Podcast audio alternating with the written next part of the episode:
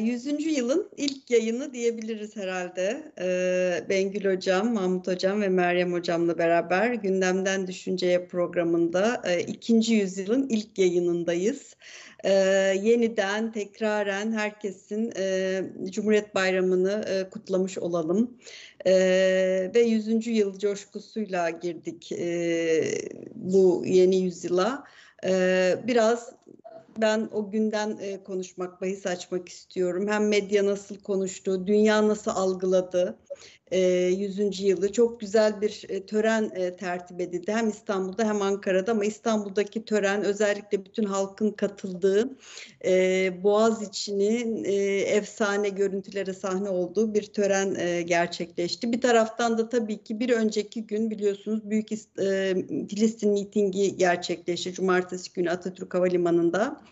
Ee, biraz onun burukluğuyla e, biraz da aslında e, e ikinci yüzyıl 29 Ekim kutlamaları ile ilgili bir takım spekülasyonlar yapıldı. Yine bu Filistin mitingi üzerinden biraz onlara da değiniriz diye düşünüyorum.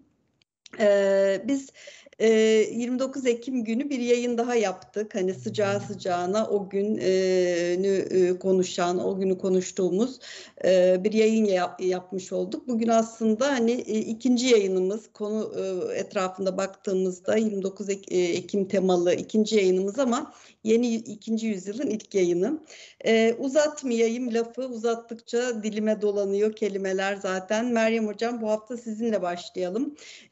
Bir tabii ki hani ben e, töreni ayrıca konuşmak istiyorum. Çünkü törenin kendi içinde bir ihtişamı vardı ve biraz da böyle hani güçlü Türkiye, e, Cumhuriyet'in kurulurken önüne koyduğu hedeflerin bir anlamda gerçekleştiği bir manzara seyretmiş olduk. E, bizi gururlandıran bir manzaraydı. E, şu da benim çok hoşuma gitti. İşte ser levhaya çıkan işte şanla, şerefle ve sevinçle ifadesi o içleme de benim beni çok e, mutlu etti açıkçası. Çok yakıştı e, Türkiye'ye diye düşündüm. E, ama onun öncesine gidelim biraz. E, son bir haftadır özellikle medyada e, bir takım işte yayın yapan e, gazetecilerin bir şeyi vardı. Spekülatif bir yorumları ve bunu böyle bir gerçekmiş gibi hani acaba bile demeden işte biraz da işte Filistin'deki, e, Gazze'deki e, mesele e, üzerinden e, mesela miting niye ertelenmedi? Niye işte bir gün öncesinde 28 e, Ekim'de yapıldı miting gibi yapılacak miting gibi bir yaklaşım sergilediler biliyorsunuz. Yani hani İsrail e, öldürmeye ara vermiyordu ama hani biz erteleyebilir miydik mitingi gibi bir yaklaşım. Bunu hani çok e, garipsediğimi söyleyerek e, ifade et, etmek isterim.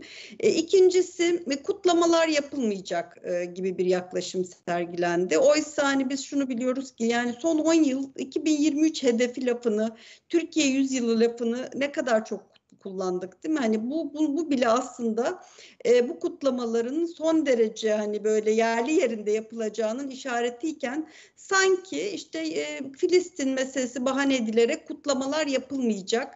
Bunu da hani bir acının gölgesi düştü e, şeyiyle değil hani bunun e, üzüntüsüyle değil de bunu bahane ediyorlar. Zaten bunlar böyle İslamcılar böyle gibi bir şeyle tonla ifade eden gazeteciler oldu.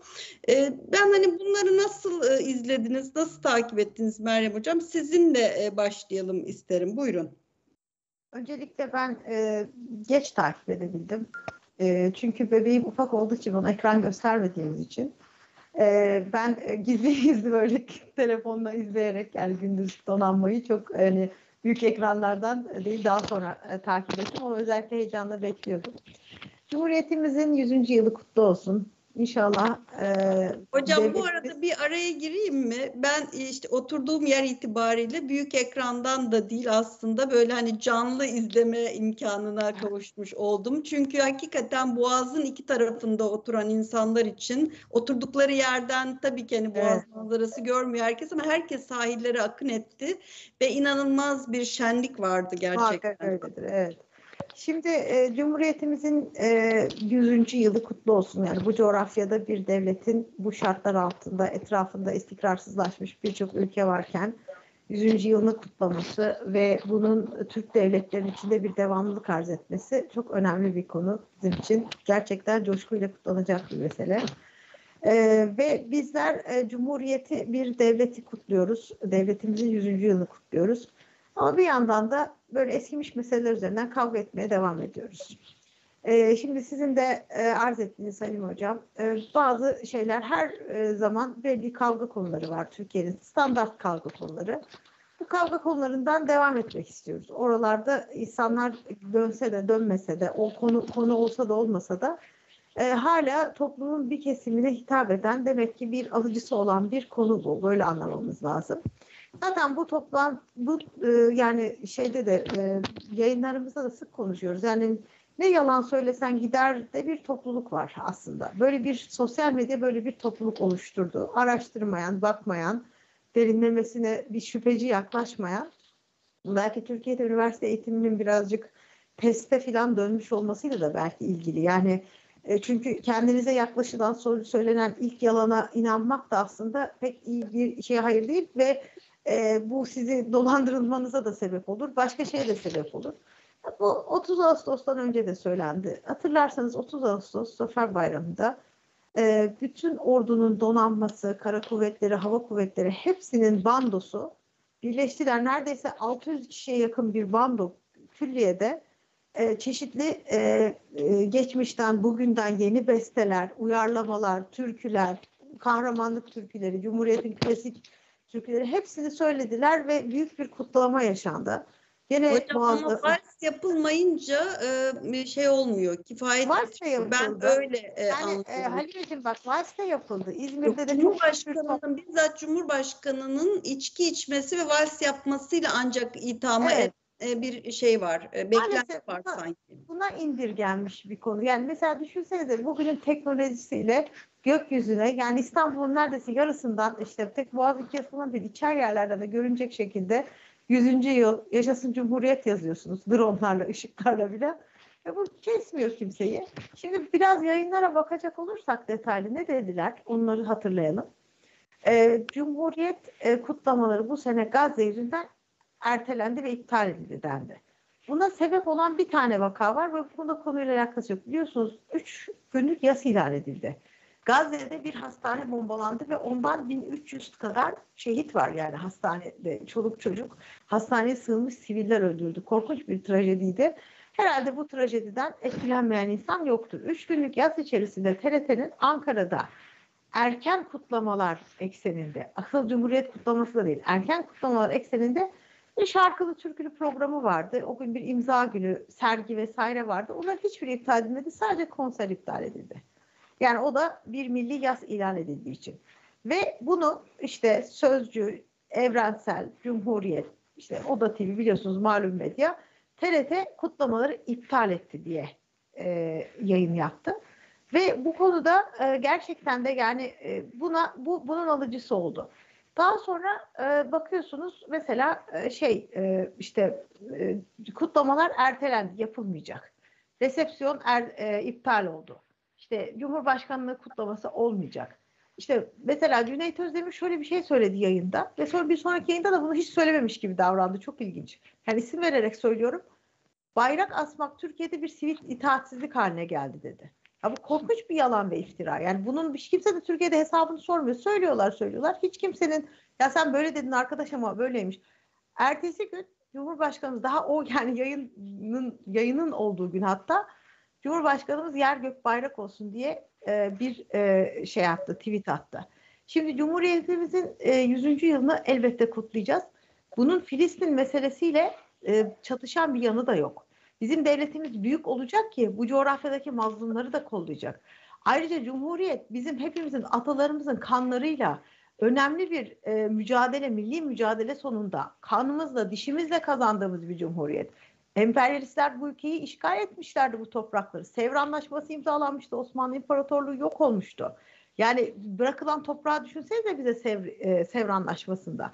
Anadolu'nun e, e, ta, yani Anadolu'da var olmak ve bu Türklerin buradaki e, geleceklerini ta, kendi işte bağımsızlık mücadelemizde Atatürk ve onun silah arkadaşlarının azimiyle, kararlılığıyla Biz bu işi böyle şaka yollu işte ay oradan geldi buradan gitti bir şey diye yapmadık. Biz bayağı kanımızla canımızla kazandığımız yedi düvele karşı verdiğimiz bir savaş sonunda kazandık. Bu şaka veya eğlence değil. Bunu kutlamak da bir oyun değil yani. Bunu kimse böyle algılamasın. O yüzden de belki vals yapmak bu işin ruhuna da uygun değil. Kimse kusura bakmasın yani. İle de vals yaparak yapmak. Biz geçen gün tekrar etmeyeyim Mahmut Hocam arasında bir yayındaydık. İşte bu işin mutlak batılılaşma yanına hitap eden bir konu. Evet. Yani ben Cumhuriyet'in ne olduğunu anlamak istemiyorum. Ben böyle köle gibi batılılaşmak istiyorum. E, sorgusuz sualsiz Avrupalılaşmak istiyorumdur. Cumhuriyet öyle bir şey değil. Cumhuriyet bizim bu topraklarda e, kurduğumuz bir Türk devletinin devamlılığının üstünde kendi varoluş mücadelemizi kazandığımız bir şey. Ne dediler sonra? Bakın size başka bir şey daha söyleyeyim. Efendim e, işte cum, e, e, Cumhurbaşkanımız kutlamaları Vahdettin Köşkü'nden izlemiş. Cehalete bakın bunu konuşuyorlar. Vahdettin Köşkü'nden izlediği için bu da bir mesajmış. Evet. Neyin evet. mesajıymış pardon? Yani Cumhurbaşkanımızın yaptığı şey Osmanlı'dan kalan, atıl olan birçok saray ve köşkü e, tekrar imar ederek, devletin ederek devletin veya işte bu Emirgan'daki sarı köşklerin, beyaz köşklerin olduğu gibi milletin kullanımını açmış olmasıdır. Devletin kocaman işte bunda Çankaya Köşkü nasıl bir yerse Vahdettin Köşkü de öyledir. Yani herhalde bunları bu arkadaşlar devleti devleti takip etmeyi çok uzun zamandır bıraktıkları için Halime herhalde kaç senedir yani e, Hocam biz, devlet bütün, sonundan da uzaklaşan bir muhalefet var. Bir de şunu da e, söyleyeyim. Cumhurbaşkanımız bütün İstanbul'da evet şeyi de çok hani e, özellikle seçilmiştir diye düşünüyorum. Çünkü Boğaz'da görüş evet. açısı çok güzel bir yer Vahdettin Köşkü. Evet. Ve yani burası devlete ait bir köşktür ve Vahdettin Köşkü diye yani mesela biz pandemide bütün PCR'ları gidip orada yapıyorduk değil mi? Cumhurbaşkanlığıyla en ufak bir davette vesairede. Çok uzun zamandır çalışılan bir çalışma ofisi. Ee, yani dolayısıyla hem de güvenlik vesaire konularında da daha kolay. Yani bana mesela bu hiç böyle bir şey çağrıştırmıyor. Nereden ne bulsak diye. Bir başka mesele gene şeyde konuşulan. Efendim az önce siz de söylediniz Halim Hanım. Filistin meselesi yüzünden e, Cumhuriyet'in 100. yılını askıya alıyorlar. Bir devlet, bir hükümet bunu yapıyorsa, eğer bunu gerçekten yani AK Parti içinde ve hükümet içinde bir 100. yılımızı, çünkü 100. yıl bir kere geliyor. Filistin'i her zaman anarsınız. Bir kere geliyor.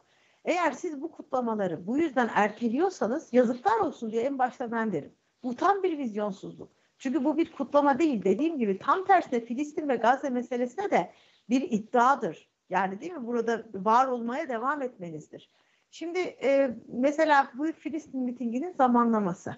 Yani şimdi deniyor ki 28-29 Ekim'e e, yayılabilirdi kutlamalar. 28 e, Ekim'de Büyük Filistin mitingi oldu. Neden 29 Ekim'de bir Cumhuriyet mitingi olmadı? Benim bilmiyorum yani bunu tabii bunlar konuşulabilir. Ben hiçbir şekilde konuşulmasın da demiyorum ama bir anlamda da Gazze meselesi üzerimize bir bulut gibi çöktü. Yani bu bizim Cumhuriyeti kutlamak istemememizle ilgili bir konu değil. Gündemi çok fazla meşgul etti. Yani inanılmaz bir acil gündem oluşturdu. Belki aradaki başka gündemlerde doya doya Cumhuriyet'in meselelerini detaylı bir şekilde konuşamadık. Biz de değil mi? Belki 2-3 program yapardık. Ama evet. burada bir aciliyet oluştu. Hocam bu, e, istersen Meryem hocam e, döneceğiz. Evet, e, evet. evet hani söyleyeceklerim var farkındayım. E, döneceğiz. Mahmut hocama geçeyim. Ee, bir iki hatırlatmayla geçeyim. Ee, yani aynı yerden devam etmek de istiyorum. Hani bu konuda sizin de söyleyecekleriniz vardır. Ee, tıpkı Vahdettin Köşkü vurgusu gibi bir vurgu da e, neden işte Mahyalara Cumhuriyet'in 100. yılı yazılmadı hatta Ayasofya'ya neden Elhamdülillah yazıldı e, diye bir serzeniş e, söz konusu oldu. Ee, Elhamdülillah değil de La ilahe illallah. La ilahe illallah yazıldı diye bir ser, serzeniş söz konusu oldu. Ne eskiden işte e, muhtemel çok muhtemel işte o tek parti döneminin bazı alışkanlıklarını hatırlayarak işte bu tür bayramlarda e, mahyalar işte şeylerle işte bu tür mesajlarla donatılırdı gibi bir şey. E, sonra bir de böyle Cumhurbaşkanı Erdoğan'ın her attığı tweet'i, her yaptığı konuşmada kaç kere Atatürk demiş şi sayan bir güruh var. İşte e, Mustafa Kemal dedi de Atatürk demedi diye. Şimdi yani e, bu 100. yılla ilgili ben hani pek çoğunu takip etmeye çalıştım. Çünkü çok yoğun bir mesaj e, paylaşımı oldu. Cumhurbaşkanı'nın hesabından, iletişim başkanlığı hesabından, bizzat iletişim başkanı Fahrettin Altun'un hesabından e, türlü çeşitli paylaşımlar oldu ve bir sürü post da yayınlandı. E, bu arada Anadolu Ajansı da çok güzel işler yaptı. İletişim Başkanlığı da çok güzel işler yaptı. Zaten bu organizasyonların tamamı aslında işte İletişim Başkanlığı e, bünyesinde gerçekleşen şeyler. Dolayısıyla işte oradan işte kaç kere Atatürk demiş. Yani birisinde Atatürk dememiş de Gazi Mustafa Kemal demiş. Onu cımbızlayıp niye burada Atatürk'ün fotoğrafı yok gibi. Yani mütemadiyen e, bu karşıtlığı yeniden kurmaya çalışan bir yaklaşım var. Ben biraz şöyle okudum.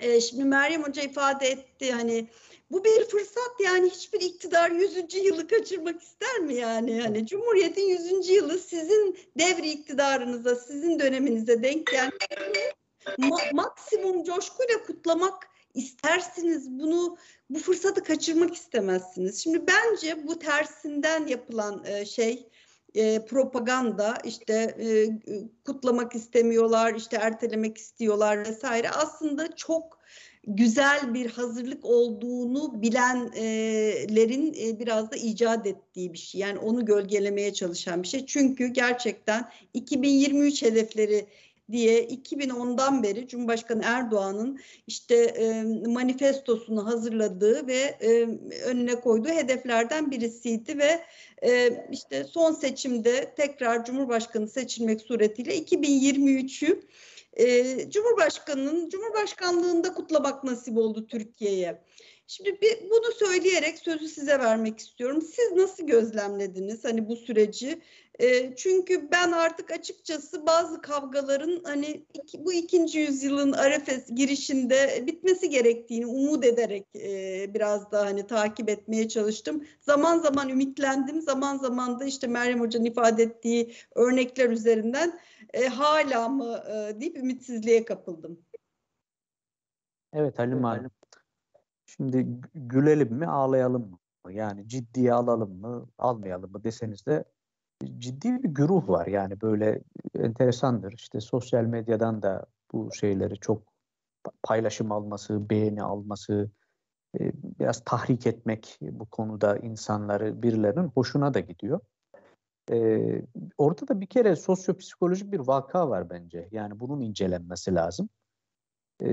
İşte Vahdettin Köşkü, Vahdettin'in hani doğrudan ismi, bir onun üzerinden üretilecek bir sembolizm, buradan bir kavga. Sizin söylediğiniz gibi yok Gazi demiş, yok Gazi Mustafa Kemal demiş, yok işte Atatürk demiş falan nasıl der e, veya kaç kere dedi. Yani bunlarla ilgilenmesi için bir insanın bayağı boş vaktinin falan olması lazım. Yani pek işinin falan da olmaması lazım bu işlerle e, uğraşması için. Yani sağduyulu böyle Atatürkçü insanlar vardı. Hakikaten onların sayısının azalmasına da üzülüyor insan. Yani ne bileyim rahmetli Ahmet Taner Kışlalı'yı falan e, zikredeyim veya Uğur Mumcu'nun. Yani bu Atatürk'ü işte rakı ve Atilla beyaz leblebiyle ve Atilla İlhan evet. E, Atatürk'ü böyle işte rakı ve e, şeyle beyaz leblebiyle anma törenleri falan yani bunlar ciddi alınacak şeyler değil ki. Yani Cumhuriyet elbette ki Atatürk'ün çok önemli katkıda bulunduğu bir şey ama Cumhuriyet neticede 1920'ler ve 30'lar sembolizmiyle de kalmayacaktı. Bu tarihin gerçekliğine de aykırı bir şey. Bu devam edecekti. Biz ona o döneme de bir değer yükleyebiliriz, önemli görebiliriz. Ama Cumhuriyet kendi içerisinde kendi sürekliliğini biraz da bazı hususları eleştirebiliyorsa bir seviyeye gelmiş demektir. Ve bunu da belli bir seviyede yapıyorsa kavga, nefret bu anlamda söylemiyorum. Ama biz bütünüyle inkılaplarla alakalı da böyledir mesela. Şimdi şapka inkılabını düşünün. O dönemde toplumun sembolik olarak bir tepkisinin olduğunu biliyoruz. Muhafazakar kesim bunu neticede Batılıların yani mütedeyyin insanlar bunu çok istemediler. Batılıların bir başlığıdır bu diyerek. Ama bugün geldiğimiz yerde şapkanın böyle bir sembol anlamı kalmamıştır. Yani bu işin bir sosyolojik, tarihsel tarafı var. Bunlar değişiyor. Ama bir kin ve nefret geçmiyor bir türlü. İşte onu analiz etmek lazım belki sizin demin söylediğiniz gibi. Ben buna şeyi de ekliyorum.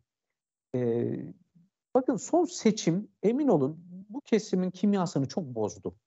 Ve ilk defa da kazanabilecekleriyle ilgili bir ümit e, belki ümide sahip oldular. Şimdi bu hayal kırıklığı. Ya seçimler kazanılır, kaybedilir. Bunu Türkiye'de sağcı solcu fark etmek için bütün iktidarlar, partiler yaşamışlardır. Ama bir taraftan da yani bunun bir kine, nefrete dönüşmesi, işte söylemlere yansıması, ifadelere yansıması, bu ayrışmayı ne kadar sürdürebileceğimiz, bunun memlekete ne kazandırdığını da düşünmek lazım. Yani bu beni ideolojik olarak çok tatmin ediyor, ben buna devam ediyorum diyebilirsiniz ama bir tarafından da memlekete ne katkınız var? Hakikaten bunu yaparak kim ne kazanıyor mesela? Ya ben sadece kendi kendimi bir psikolojik tatmin ediyorum. Böylece rahatlıyorum falan diyorsanız bu artık psikiyatrinin falan alana girebilecek bir şey. Bunu hangi kesim yaparsa yapsın böyle. Şimdi bu kutuplaşmaların ben ciddiye alınmaması gerektiğini de düşünüyorum bir yandan. Çünkü biz bu tür şeyleri ciddiye aldıkça asıl meselelerimizden uzak kalıyoruz. Yani burada bir cambaza bak durumu da var. E, bu mesela tarihle ilgili olarak da söylüyorum. İdeolojik tarih okumalarının, popüler tarih okumalarının bir kavga unsuru olarak Türkiye'de hala konuşulması, tartışılması dedikodu bir tarihi malzeme değildir. Dedikodu ahlaki bir şey de değildir. Şimdi burada da problem zaten ahlaki bir yere geliyor. Bakın dikkat edin kim ve nefret insanlara kötülük yaptırır, zulüm yaptırır. Dün e, Numan Bey zannediyorum Cumhuriyet'in 100. yılıyla ilgili bir programda İstanbul Üniversitesi'ndeydi. O büyük amfideydi. İstanbul Üniversitesi'ndeki konuşmasında ki kendisi de öğretim üyesiydi o zaman İstanbul Üniversitesi'nde hatırlarsınız. 97-98 tam da Cumhuriyet'in 75. kuruluş yıl dönümüne gelen dönemde İstanbul Üniversitesi rektörü kalktı öğretim üyelerine şunu dedi. Sizin göreviniz bilim yapmak değil, sizin göreviniz irticayla mücadele etmek. Numan Bey de dün bunu hatırlattı. Ya ne münasebet yani. Nerelerden geliyoruz? Ne tür sembolik kavgalar veriyoruz? Yani şu ifadeyi kullanayım. Somut işlem evresinde miyiz? Hani çocuklukta belli bir 4-5 yaş için falan kullanılır bu Erikson'un o gelişim aşamalarında. Biz her şeyi böyle gördüğümüzde hani çocuk her gördüğü sakallıya dede diyebilir ya. Biz de sürekli bize her gösterilen sembol üzerinden kavga etmek ya da ona olumlu ya da olumsuz tepki vermek zorunda değiliz. Biz ilkeler üzerinden daha soyutlamalar yapabiliyorsak birey olarak da daha gelişmiş olabiliriz. Toplum olarak da daha gelişmiş olabiliriz. Ama bu tür kamplar oluşturarak Türkiye'de çok enteresan bir şekilde bir de ilginç bir tümevarımcı mantık var. Yani öyle genellemeler yapıyorlar ki işte bütün muhafazakarlar, bütün şunlar, bütün bunlar. Ben de bütün Kemalistler ya da bütün Atatürkçüler, bütün solcular diye bir şey yapamam kendi duruş yerimi itibariyle bir şeyi eleştireceksem ya da bir şeyi kabul edeceksem. Bu doğru değil. Yani olabildiğince tikel önermeler de kullanmak lazım bir taraftan. Bir diğer yönden de şunu da hazmedemiyorlar bence. Şimdi bayrak asmaysa ben de çocuklarımda bayrak astım. Ve benim sokağımdaki bayrağın olmadığı neredeyse herhangi bir balkon, cam falan yoktu. Yani bütünüyle. Ee, diğer taraftan işte ben de Cumhuriyet'in hepimizin olduğunu ve kutlamamız gerektiğiyle ilgili bir sosyal medya paylaşımında bulundum. Şimdi bunu e, enteresan bir şekilde sanki Cumhuriyet'in kendisi bir ideolojik nesneye dönüştürülmüş. Sadece birilerine ait. Yahu benim dedelerim de yani savaştılar. Kalanları olmuş. E, yani ben bunların hikayeleriyle büyüdüm. Bu insanlar da devletlerine gayet bağlıydılar. Memleketleri için çalıştılar. Askerlikse gittiler. Vergi ise verdiler. Hepimiz bu memleketin insanıyız. Yani bu bize ait bir şey e, gibi bir hazımsızlık da var. Yani bizlerin bu cumhuriyete verdiğimiz değerle alakalı nasıl olur da bunlar veriyorlar gibi bir şeye de dönüşüyor. Ee, kusura bakmasınlar. Buyurun. Bir şey ekleyebilir miyim? Yani, Estağfurullah buyurun. E, böyle kusura bakmayın ama kimin yani böyle bir araştırmaya girmek ben de size katılıyorum ama yani acaba kimin dedesi sömürgecilik istiyordu? Kimin dedeci, dedesi mandacılıktan yanaydı? Kimin dedesi İstanbul işgal edilirken İngiliz askerleriyle Bomonti'de kadeh tokuşturuyordu? Onu da bilemiyoruz yani. Bu da ayrı bir konu Haklısınız. tabii. Haklısınız eyvallah. Meselenin böyle bir yönü de var. Bence şöyle bir yönü de var. Kimse kusura bakmasın ama yani 15 Temmuz'da tanklar geçerken ya da asker sokağa çıktı diye alkış tutanların mıdır Cumhuriyet? Yani Cumhuriyete en çok zararı biz Cumhuriyeti koruyacağız, kollayacağız diyen bu darbeler falan verdiler. Bunlar bizim o Cumhuriyet'in biliyorsunuz bir kalkınma, gelişme hamlesi tarafı da var. Ee, yani o imkansızlıkların içerisinde neler yaptıklarını o dönemin yöneticilerini bu yönlerini de görmek lazım. Her şeyi ideolojik bir perspektiften bakmaya gerek yok. Yani politikalarını eleştirebilirsiniz ama bu insanlar memleketlerini seven ve memleketlerinin kalkınmalarını isteyen insanlardı sonuçta. Ama öbür taraftan mesela bu darbeleri ne yapacağız? Bunlar Cumhuriyet'in lehine mi oldu? Cumhuriyeti koruma kollama derken belki tam tersine bizim bir ortak Cumhuriyet fikrinde buluşmamıza en çok engel olan bu tür müdahalelerdi. Hocam e, müsaadenizle Bengül Hoca'ya geçelim. E, ben be, pek beceremiyorum ama yine böyle e, makul olduğunu düşündüğüm bir yerde kesmeye karar verdim. Göz ucuyla saate bakıyorum. E, bir yani bu kim ve nefret e, hani hakikaten bitmiyor. E, ama bir şekilde hani e, hep ben hani yazarken de buna dikkat etmeye çalışıyorum. Hani aklına uymamak e, diye bir şeyi düstur edilmek gerekiyor belki. Mesela e, işte Meryem Hoca'nın az önce ifade ettiği şey. Şimdi dönüp e, maziye bakıp e, kim ne yaptı diye baktığımızda aslında çok işte bugün Cumhuriyet e, bizim deyip e, Cumhuriyeti şöyle kutlamalısın, yok öyle kutlamadığın için aslında Cumhuriyet karşıtısın denilen kesimlerin aslında çok da yüzlerinin ak olmadığını da görebiliyoruz. Ya da işte e, hatırlayacaksınız 27 Nisan e-muhtırası öncesinde ya da işte o ilk Cumhurbaşkanlığı seçiminde AK Parti'ye Cumhurbaşkanı seçtirmeme gayretiyle yollara dökülen Cumhuriyet mitingleri, yollara dökülen insanların yaptığı Cumhuriyet mitingleri. Adı Cumhuriyet mitingiydi ve Türk bayrakları neredeyse işte başörtülere dipçik olarak e, kullanılıyordu. Yani çok tuhaf şeyler yaşadık e, ve çok da yakın tarihten bahsediyoruz. İşte Numan Hoca'nın verdiği örnek e, misal. Yani hepimizin hayatında hakikaten e, işte kendini Cumhuriyet kadını olarak e, ifade edip e, başörtülü kadınları hani biz neyin kadınıyız? Yani biz Cumhuriyet bu, bu, bu ülkenin evlatları değil miyiz? İşte bizim de anamız babamız e, işte bu ülkeye vergi vermiyor mu dedelerimiz sizin dedeleriniz gibi savaşmadı mı dediğinde başka bir şeyle karşına geliyor. Sen işte modern değilsin sen batılı değilsin gibi bir e, çıkarımla karşına geliyor. Demek ki Cumhuriyet'in içini neyle dolduruyorsun e, meselesi. Ve bu kim ve nefret bir şekilde tazeleniyor nasıl oluyor da tazeleniyor? İşte AK Parti ya da muhafazakar birisi, eşi başörtülü birisi bir seçim kazandığı zaman garip bir şekilde bu kim ve nefret tazeleniyor. Ee, ya da işte işte imam hatipler açık olduğu müddetçe o kim ve nefret tazeleniyor. Cumhuriyeti sana kutlatmak dahi istemiyorlar. Şimdi bu, bu ülke böyle mi şey olur? Hani payidar olur diyeyim yani. E, çoğunluğu dışlayarak mı payidar olur? Yani bu nasıl olacaktı yani?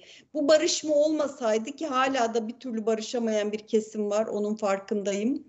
Ee, ama ben kendimi böyle hissedemeseydim e, bu bu ülke nasıl payidar olacaktı? Ya da e, şu alışkanlığa dönüştü farkındaysanız. Hepimiz bayrak asıyoruz değil mi? Biz bayrağa nasıl bir anlam yüklüyoruz? Bunlar sembolik şeylerdir elbette ki yani ba- tek başına kutsal bir şey değildir ama e, o bayrak için döktüğün kanla o vatan için işte e, verdiğin şehitle anlam kazanan bir bütünden bahsediyoruz.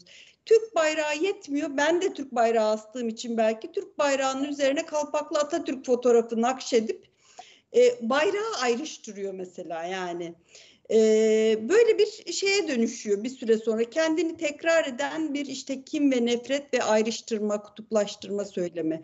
Buradan bir çıkış var mı hocam? Ne diyorsunuz? Evet söylediklerinize diğer arkadaşlarım da söylediklerine büyük oranda katılmakla birlikte aslında buna en iyi cevabın ben dün yani tören esnasında verildiğini düşünüyorum. Ee, ilk defa bu kadar kitlesel bir katılımın olduğunu gördüm açıkçası. Bilmiyorum siz daha önce böyle bir şey şahit oldunuz mu ama sosyolojiye baktığımız zaman her sınıftan, her e, kimlikten insanın e, boğazın iki kenarına akın ettiğini, sokak aralarında bile kutlamaların yapıldığını falan gördük. Yani e, bu beyaz elitlerin bu türden söylemlerine aslında en güzel cevabı dün Türk halkı verdi. Bence eskisi kadar etkili değiller bu söylemlerde. Çünkü artık onları kimse takmıyor anlaşıldığı kadarıyla. Yani kendi kitlelerinde bile fazla e, talep gördüklerini düşünmüyorum. Çünkü eğer öyle olsaydı hani seçimlerde bir kazanım elde edebilselerdi etkili olabilirlerdi ama halk şunu görüyor. Yahu bir sürü şey söylüyorsunuz söylemde ama iş faaliyete gelince siz bir şey beceremiyorsunuz. Muhalefet için. Yani böyle düşünüyor olabilir ve dolayısıyla bence eskisi kadar bunların etkili ol, olması mümkün değil. Ee, şimdi ben tabii daha büyük resme odaklanmak gerektiğini düşünüyorum. Devlet ne yaptı orada? Yani büyük bir geçit töreni oldu. İlk defa Türkiye'de donanmamız bu kadar büyük bir gösteri düzenledi. Bu çok önemli bence. Ee, yine uçaklarımız öyle. Ee, savunma sanayinden sanayinde ciddi bir yere geldiğimizi en azından görmüş olduk. Herkesin göğsü kabardı. Yani kameraları çeviriyorlar insanlara. İnsanlara sorduklarında e, 7'sinden 70'ine farklı e, kimliklerde insanlar e, donanmanın geçişiyle göğsünün kabardığını falan söylüyor. Bence bu aynı zamanda devletin bir gösterisiydi. Sadece e, Cumhuriyet'in kutlamak, Cumhuriyet'i kutlamak değildi amaç bence. E, biliyorsunuz bir savaş var Gazze'de ve Amerika oraya gemilerini de gönderdi. E, biz de varız demek istedi devlet. Yani eğer bize karşı bir e, faaliyetiniz olursa bizim de gemilerimiz, donanmanımız Akdeniz'e inebilir yani. Oralara gelebilir. Dolayısıyla devletin e, bir mesajı olarak da ben okumayı tercih ediyorum. Yine Vahdettin Köşkü'nün e, seçilmesi bence çok anlamlı. Bana göre Cumhuriyet, ilk Cumhuriyet yani kurucu babalar birazcık Osmanlı'yı dışlayarak, kendileri Osmanlı'da yetişmiş de olsalar yeniyi kabul ettirmek için eskiyi biraz olumsuz göstererek, karanlık göstererek e, Cumhuriyeti kurdular. Fakat bugün Vahdettin Köşkü'nden de e, seyretmesi çok anlamlı. Hem komutanların hem Cumhurbaşkanımızın. E, bence geçmişle bağını kurmak istiyorlar. Yani Cumhuriyet artık geçmişle bir bütün olarak düşünülüyor devlet tarafından. Geçmişi e, olumsuzlayarak değil de e, geçmişle beraber, geçmiş tecrübeleri de işin içine katarak. Zaten askeri şey bunu da gerektirir. Yani askeri tecrübeler geçmiş tecrübeleri içerir. Eğer onlardan bağımsız hareket etmeye kalkarsanız çuvallarsınız. Bunlar tecrübe işidir. Her zaman tecrübe gerektirir. E, bu e, anlamda geçmiş tecrübelerle yoluna devam, devam eden ama yüzü de geleceğe dönük bir cumhuriyet algısının dün bize sunulduğunu düşünüyorum. Ve Türkiye'nin hem e, aynı zamanda büyük devlet politikası gütmeye başladığını düşünüyorum. Bu anlamda Cumhuriyet de zaten önemli potansiyelleri e, barındırıyor diye okuyorum. Şimdi Cumhuriyeti tabii biz artılarıyla eksileriyle konuşmamız lazım. İşte kutlamalardan konuşuyoruz tamam güzel ama artıları neydi, eksiler neydi bunları da konuşmamız lazım.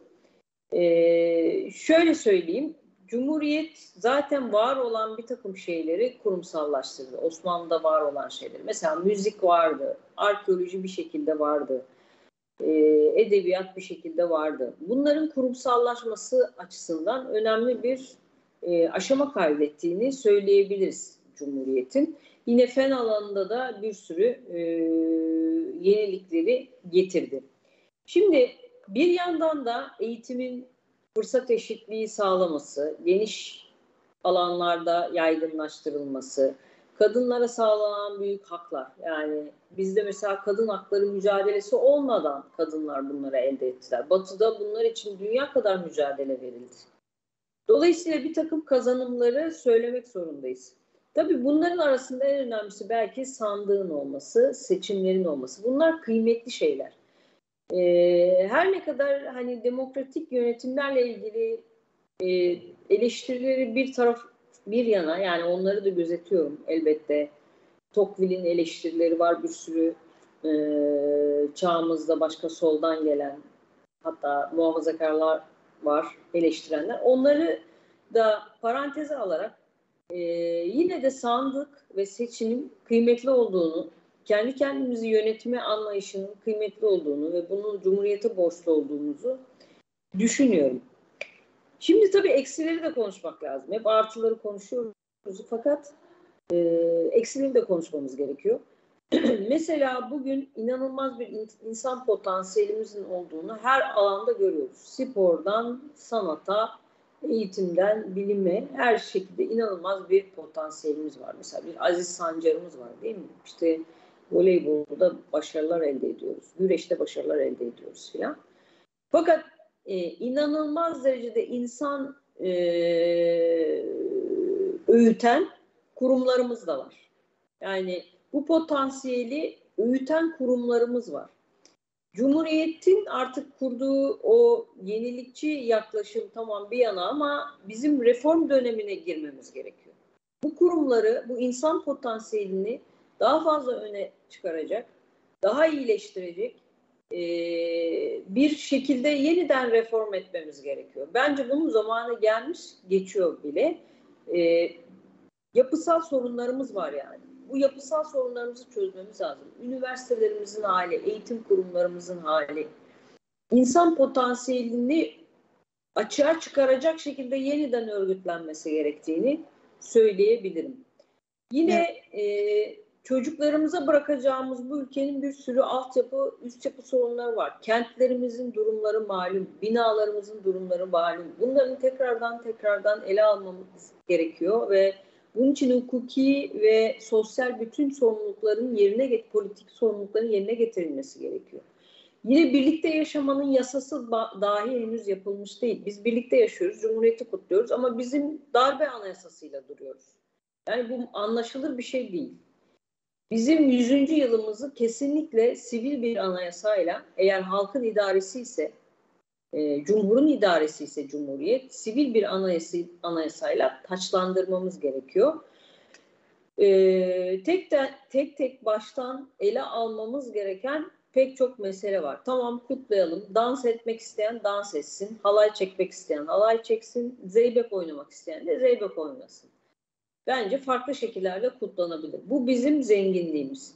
Ama kimse kimseye şunu yapacaksın, şu şekilde kutlayacaksın dememesi için bizim gerçekten insan haklarına saygılı, demokratik, e, çağı yakalamış bir sivil anayasayla taşlandırmamız gerekiyor. Şimdi diyelim ki insanlar uzaya çıkmaya başladılar ve dünyada bir uzay anayasası gerekti. Biz ne yapacağız? Diyeceğiz ki hayır biz uzay anayasası bize lazım değil. Biz darbe anayasası bize yeter. Biz bununla devam edelim mi diyeceğiz.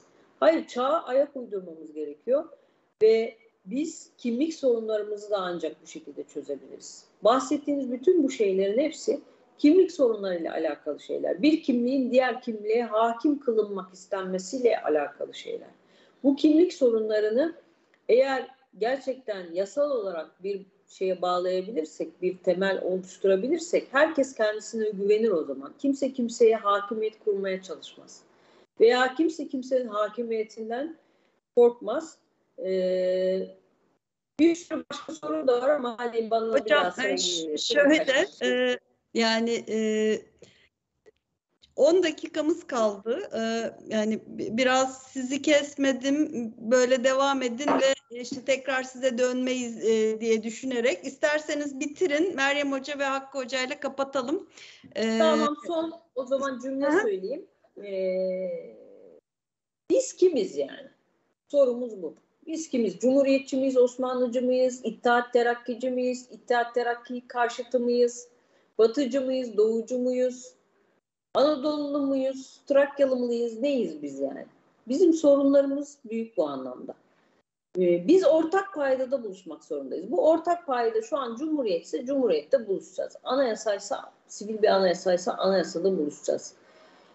Bayraksa bayrakta buluşacağız. Yani bunu yapmak zorundayız.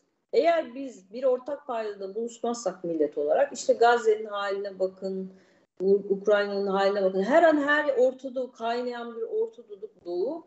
Dolayısıyla biz birlik olmazsak e, bu çevremizdeki ateş çemberinden kolayca kendimizi uzak tutamayız, sıyıramayız veya bu başımıza geldiğinde darma duman oluruz. Bu anlamda e, Ben diyorum ki Cumhuriyeti kutlayalım evet ama artılarını da bir yere cebimize koyduktan sonra eksilere de bakmamız lazım. Yani bu eksiklikleri bir an önce tamamlamak e, ve diğer şu da çok önemli. Şunu ortaya koymaları bence. Bugüne kadar hep muasır medeniyet seviyesini yakalama, yakalama, yakalama. Yani hep oraya benzemeye çalışmayı gerektirdi bu. bu. Halbuki yeni yüzyıl Türkiye yüzyılı olarak ilan edildi ve dendi ki muasır medeniyet seviyesini aşmanız gerekiyor. Bu çok güzel bir tespit. Bu çok güzel bir hedef bence. Ama bunu yapmamız için de dediğim gibi bu yapısal sorunlarımızı bir kere çözmemiz gerekiyor. Evet. Teşekkür ederim. Evet Meryem Hocam be, beşer hatta dörder dakika diyelim e, an itibariyle. E, hiç şey yapmayayım e, böyle hani size e, sizin zamanınızdan çalmış olmayayım. Dörder dakikayla toparlayalım. E, belki hani bu şey, e, şey iş, ikinci yüzyıl bir muhasebeye de vesile olur üzerinden devam edebiliriz belki. Buyurun. Aynen buradan devam edeyim ve beni de istediği zaman kesebilirsiniz hiç sorun değil. Şimdi şöyle e, yani aslında tabii yani buradan nereye varacağız, nereye gideceğiz? Bir kere en başta Bengül Hocam'a ben de katılıyorum. Bu eskimiş tartışmaları bir kenara bırakmamız lazım. Bunlar eskimiş. Neden eskimiş biliyor musunuz? 90'ların 2000'lerin şeyleriyle hareket ediyorlar. Yani 90'larda biliyorsunuz belli bir sol literatür, bir Kemalizmle çatışma hesaplaşması var ya bir sürü kitap yayınlanıyor. Mete Tunçay'ın mesela külliyatlarını düşünün. Evet bu tartışmalar, bu hesaplaşmalar yapıldı ama dünya çok hızlı değişiyor. Yani bakın Türkiye'de tekrar tanımlamamız gereken şeyler var. Muhafazakarlık nedir? Ee, Kemalizm ve ulusalcılık nasıl bir dönüşüme uğradı? Ee, şeyde e, Harvard'da kamu yönetimi profesörü bir e, profesör var, Yaşa Monk diye.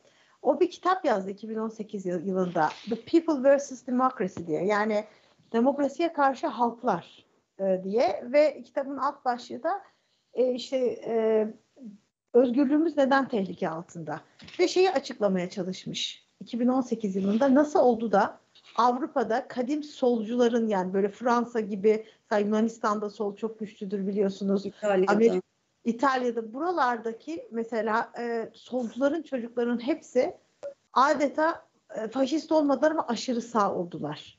Hani değil mi? Mesela şu an bakıyorsunuz işte göçmen karşıtlığı, Trump destekçiliği vesaire yani böyle e, şeylerde çok ciddi bir e, yükselişte. Dünya çok hızlı. Mesela ona diyor ki çünkü diyor insanların diyor demokrasiye verdikleri önem azaldı Avrupa'da. E, İkinci Dünya Savaşı'ndaki o savaş hatıralarını unuttular ve bir refaha alışınca bu sefer o refahı kimseyle paylaşmak istemediler. Ya dünya böyle bir yer. Çok hızlı değişiyor. Anında tam tersi tepe taklak olabiliyor. Yani bakarsınız işte Solculuğun Kalesi dediğiniz okullarda pandemide yapılan eylemleri düşünün. Hani adeta yaşlılar ölsün diye. Ee, hani biz e, önümüzü açın vesaire diye böyle çok değişik şeylere sahne olabiliyoruz.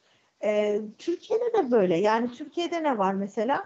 Bu e, muhafazakarlarla Kemalistlerin çatışmasının son e, özellikle 15 Temmuz'dan sonra çok değişik bir seyre girdiğini görebilirsiniz. Ortak bir e, e, şey var çünkü tehlike var. FETÖ tehlikesi. İşte bir balyoz Ergenekon tecrübesi var. Bunun üzerinden makul insanlar birbirleriyle ittifak yaptılar. Bugün şunu söyleyebilir misiniz? Yani e, bakın mesela geçen gün Nuray Mert söylemiş yani Atatürk e, nasıl muhafazakarların gündemine girdi diye bir röportaj vermiş e, tekrar o klasik işte e, İslamcıların, milli görüşlerin iktidarda olmadığı dönemde işte onların Atatürk'le olan e, ta, şeyleri, savaşmaları, işte Kemalizmle ilgili problemlerinin bugün aynı derecede kaldığından bahsedebilir misiniz? Bu, böyle bir şey yok. Çok ciddi değişimler, dönüşümler var. Artı AK Parti'nin bütünüyle İslamcı reflekslerle hareket eden bir parti olduğunu söylemek de çok zor. Çünkü sosyolojisi bir kere buna müsait değil. Yani bu marjinal kutuplar var. E, Mahmut Hocam da söyledi. Mesela Kurtuluş Savaşı olmamıştır diyen şey de var. İşte e, sürekli bir e, Atatürk'le hesaplaşmak isteyen bir grup da var.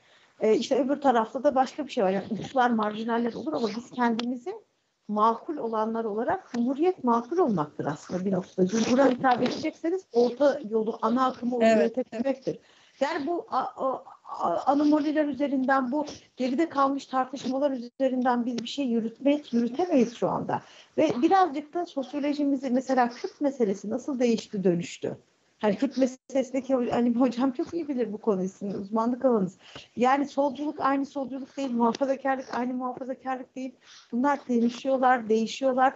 Gençliğin e, eğilimleri çok bambaşka bir yere gitti değil mi? Bireycilik, na, na, narsizm, nihilizm bunlar hakim oldu. Yani mesela evet. ciddi bir nihilizm olduğu söyleniyor şu anda. Dolayısıyla son sözüm bu beylik ezber sözlerle biz bu cumhuriyetimizi ileriye götüremeyiz. Toplum dönüşüyor. Entelektüellerin, gazetecilerin, siyasetçilerin de bu vasatı yakalamasını beklemek gerekir. Eyvallah hocam. Teşekkürler. Mahmut hocam. Evet son olarak herhalde birkaç cümle.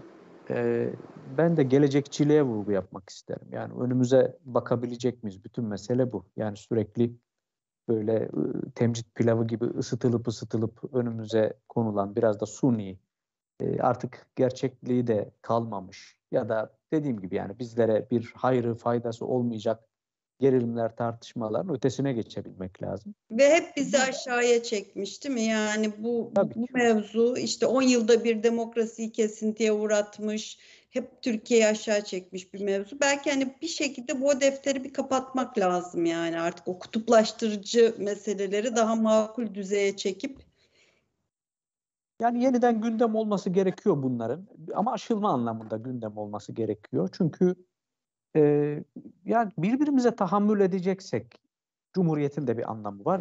Bizim insan olmamızın da bir anlamı var. Kimse kendi hayat tarzını, kendi dünya görüşünü bir başkasına dayatamaz. Yani onunla ilgili ikna etmek için uğraşabilir, görüşlerini bildirebilir ama bunu dayatamaz.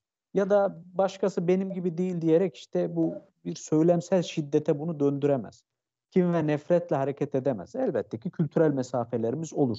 Bunlar çok bizim elimizde olan şeyler de değil. Biraz da içine doğduğumuz sosyal gerçeklik bunları e, üretir. Aldığımız eğitim bunları üretir. Bizim de dahil olduğumuz şeyler vardır ama bunun insani olduğunu da e, görmek gerekiyor. Yani bence birbirimizin hikayesine daha saygı duyabileceğimiz bir vasatla ilgili tartışmayı ya da öyle bir kamusallıkla ilgili e, meseleyi gündeme e, getirmek lazım. Aksi takdirde biz önümüze e, bakamayız. İşte Türkiye yüzyılı bir vizyon. Yani bu idealdir, bu haliyle çok iyidir değil. Yani katkıda da bulunulabilir. Belki önümüze başka şartlar çıkacak önümüzdeki 10 yıllarda. E, daha dinamik, daha eleştirel bir yolu aramak gerekiyor. Yani ne kadar mümkün tartışılır ama en azından bir hedef olarak e, zannediyorum bu tür kısır tartışmaların ve döngülerin evet. ötesine öyle geçilebilir. Hocam e, programa başlarken aslında e, bu Türkiye yüzyılı ve ikinci yüzyıl e, e, meselesinin dışarıda nasıl algılandığını da konuşabilir miyiz ucundan diye düşünmüştüm ama pek fırsat olmadı. Belki haftaya ona da değiniriz. Çünkü e, Türkiye'deki bu hani coşku e, özellikle törenlerdeki e, bazı vurgular e, dışarıdan da çok dikkatle izlendi. E, manşetler atıldı. Türkiye işte gövde gösterisi yaptı vesaire. E, özellikle Türkiye'nin son yıllardaki o proaktif yükselen dış politikadaki vizyonuyla da örtüşecek şekilde e, bir e, algıya yol açtı. Belki önümüzdeki hafta biraz buna da değiniriz. E, bu haftalık bu kadar. Haftaya görüşmek üzere. E, teşekkür ediyorum.